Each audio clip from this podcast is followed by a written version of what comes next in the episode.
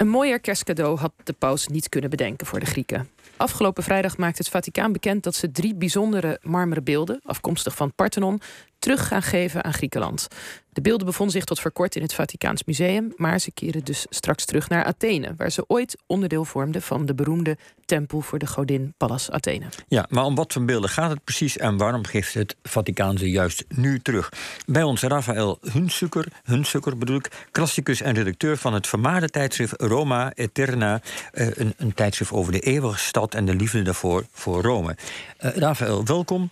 Spectaculair nieuws deze teruggave. Hoe, hoe kijk jij daarna als uh, Rome kennen en klassicus? Ja, zeker spectaculair wat mij betreft. Niet alleen een kerstcadeau, maar ook een soort verjaardagscadeau. Franciscus werd gisteren 86, dus hij had misschien zin om wat uit te delen. Maar sowieso natuurlijk vanwege deze stukken die teruggaan uh, naar Griekenland. Maar ook omdat daarmee de druk natuurlijk wordt opgevoerd op die andere belangrijke stukken die zich in het British Museum in Londen bevinden. Om die ook terug te geven. Dat was meteen de reactie van de Griekse minister van Cultuur. Dankjewel, we willen die andere ook graag. Verstandige man, die minister dus. Ja, was een vrouw trouwens. waar, verstandige vrouw dus. Ja. waar, waar gaat het precies om? Wat wordt er teruggegeven? Ja, dat is goed om dat even heel precies te definiëren. We hebben het over beeldhouwwerk afkomstig van die tempel die wij het Parthenon noemen. Overigens heeft mijn collega Janrik van Rookhuizen overtuigend betoogd dat dat niet de oorspronkelijke naam moet zijn geweest. Maar goed, laten we het het zogenaamde Parthenon dat noemen. Dat is voor de liefhebbers. Ja, precies, ja. inderdaad. Ja. De grote tempel op de Acropolis van Athene. De citadel van de antieke stad. Nou, een symbool voor alles waar Athene in de vijfde eeuw voor Christus voor staat. Democratie, uh, kunst, uh, filosofie. Alles komt daarin eigenlijk tot uiting. En die tempel was niet alleen zelf heel groot, maar die was ook versierd met heel veel beeldhouwwerk. En dat valt in drie categorieën uiteen. Dus op de driehoek van de gevels aan beide kanten had je een pedimentsculptuur. Dan had je bovenaan de zuilen aan de buitenkant had je zogenaamde metopen. Je bent lekker bezig, dit begrijpt dan niemand nee, ga, ga door. Ja, inderdaad. En aan de binnenkant had je dan een fries. En dat is eigenlijk het meest beroemde. Een doorlopende voorstelling van 160 meter lang. En het belangrijke aan deze stukken uit de Vaticaanse musea... is dat ze uit elke van die drie categorieën komen. Dus eigenlijk van alle belangrijke stukken van dat zogenaamde Parthenon... had het Vaticaan stukken in de collectie. En die hebben ze dus alle drie teruggegeven. Dus voor de Grieken is dit echt heel goed nieuws. Maar, maar wacht even. Ja. Even nog kort en duidelijk. Ik las ergens, het, uh, het zijn dus eigenlijk restanten uit, uit een grote voorstelling, een grote, uh, zeg maar, ingehakte beeldenvoorstelling. Zijn er drie beeldjes daaruit die, die, die eruit gevallen zijn, als het ware. En die drie die staan nu in het Vaticaan. Dat zijn geloof ik twee hoofden van een mens en een paardenkop. Exact. Klopt ja, dat? Dat klopt helemaal. Oh, okay. Ja. En dat, dat, dat paardenhoofd, dat komt dus uit die geveldriehoek. Dat is echt het meest prominente van dat gebouw. Dat zijn uh, vrijstaande beeldhouwwerken. En die andere twee zijn dus reliefs.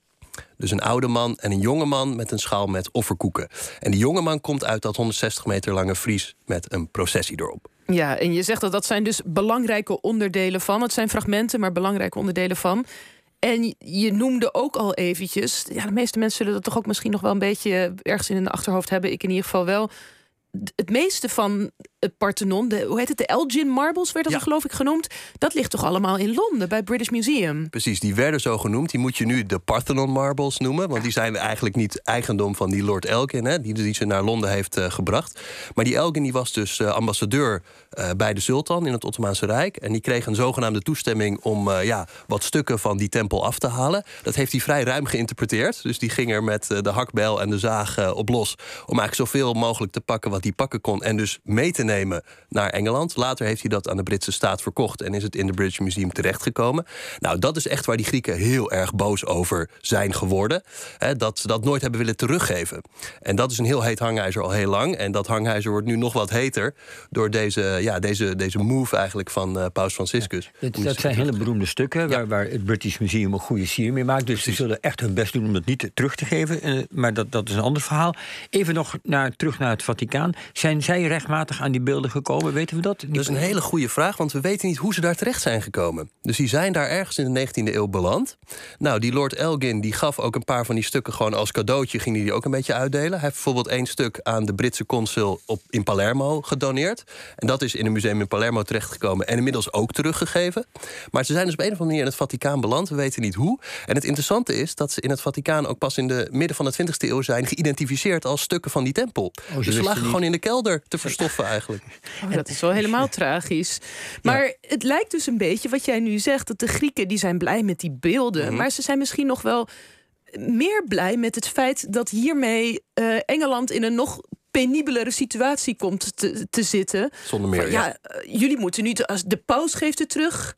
Precies. Moeten jullie het niet ook eens gaan doen? Ze gaan voor de hoofdprijs. Want dit zijn drie ja, prachtige stukken beeldhouwwerk. Maar dit gaat niet het verschil maken. Er zijn niet nu opeens veel meer mensen die denken... laten we naar het Acropolis Museum gaan om die dingen te bezichtigen. Het is belangrijk, maar het zijn niet de topstukken. De topstukken zijn natuurlijk nu in Londen. Er zijn nog een aantal andere musea in de wereld... waar ook nog fragmenten van die, van die beeldhouwwerken zijn. En die willen ze terug hebben. Dat proberen ze echt al decennia. Echt op het allerhoogste politieke niveau. De Griekse premier houdt zich hier persoonlijk mee bezig. En nu een staatshoofd, de paus... Ja, deze stap heeft gezet. Nu zet hij eigenlijk de Britten keihard in hun hemd. En dat vind ik eigenlijk het mooie aan deze actie. Het is natuurlijk voor de Britten extreem pijnlijk...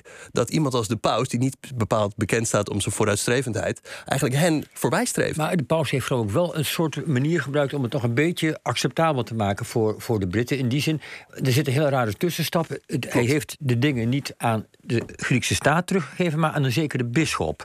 Ja. Uh, en die gaat het dan wellicht weer teruggeven aan de staat. Zit daar nog een idee achter, achter aan, aan, die move? Ja, zeker Jos. Dat is echt diplomatie van de bovenste plank. Dus hij heeft ze teruggegeven aan aartsbisschop Hieronymus II van Athene en heel Griekenland. Eigenlijk zijn collega, hè, een kerkleider. En dat deed in het kader van het bevorderen van de ecumenische weg.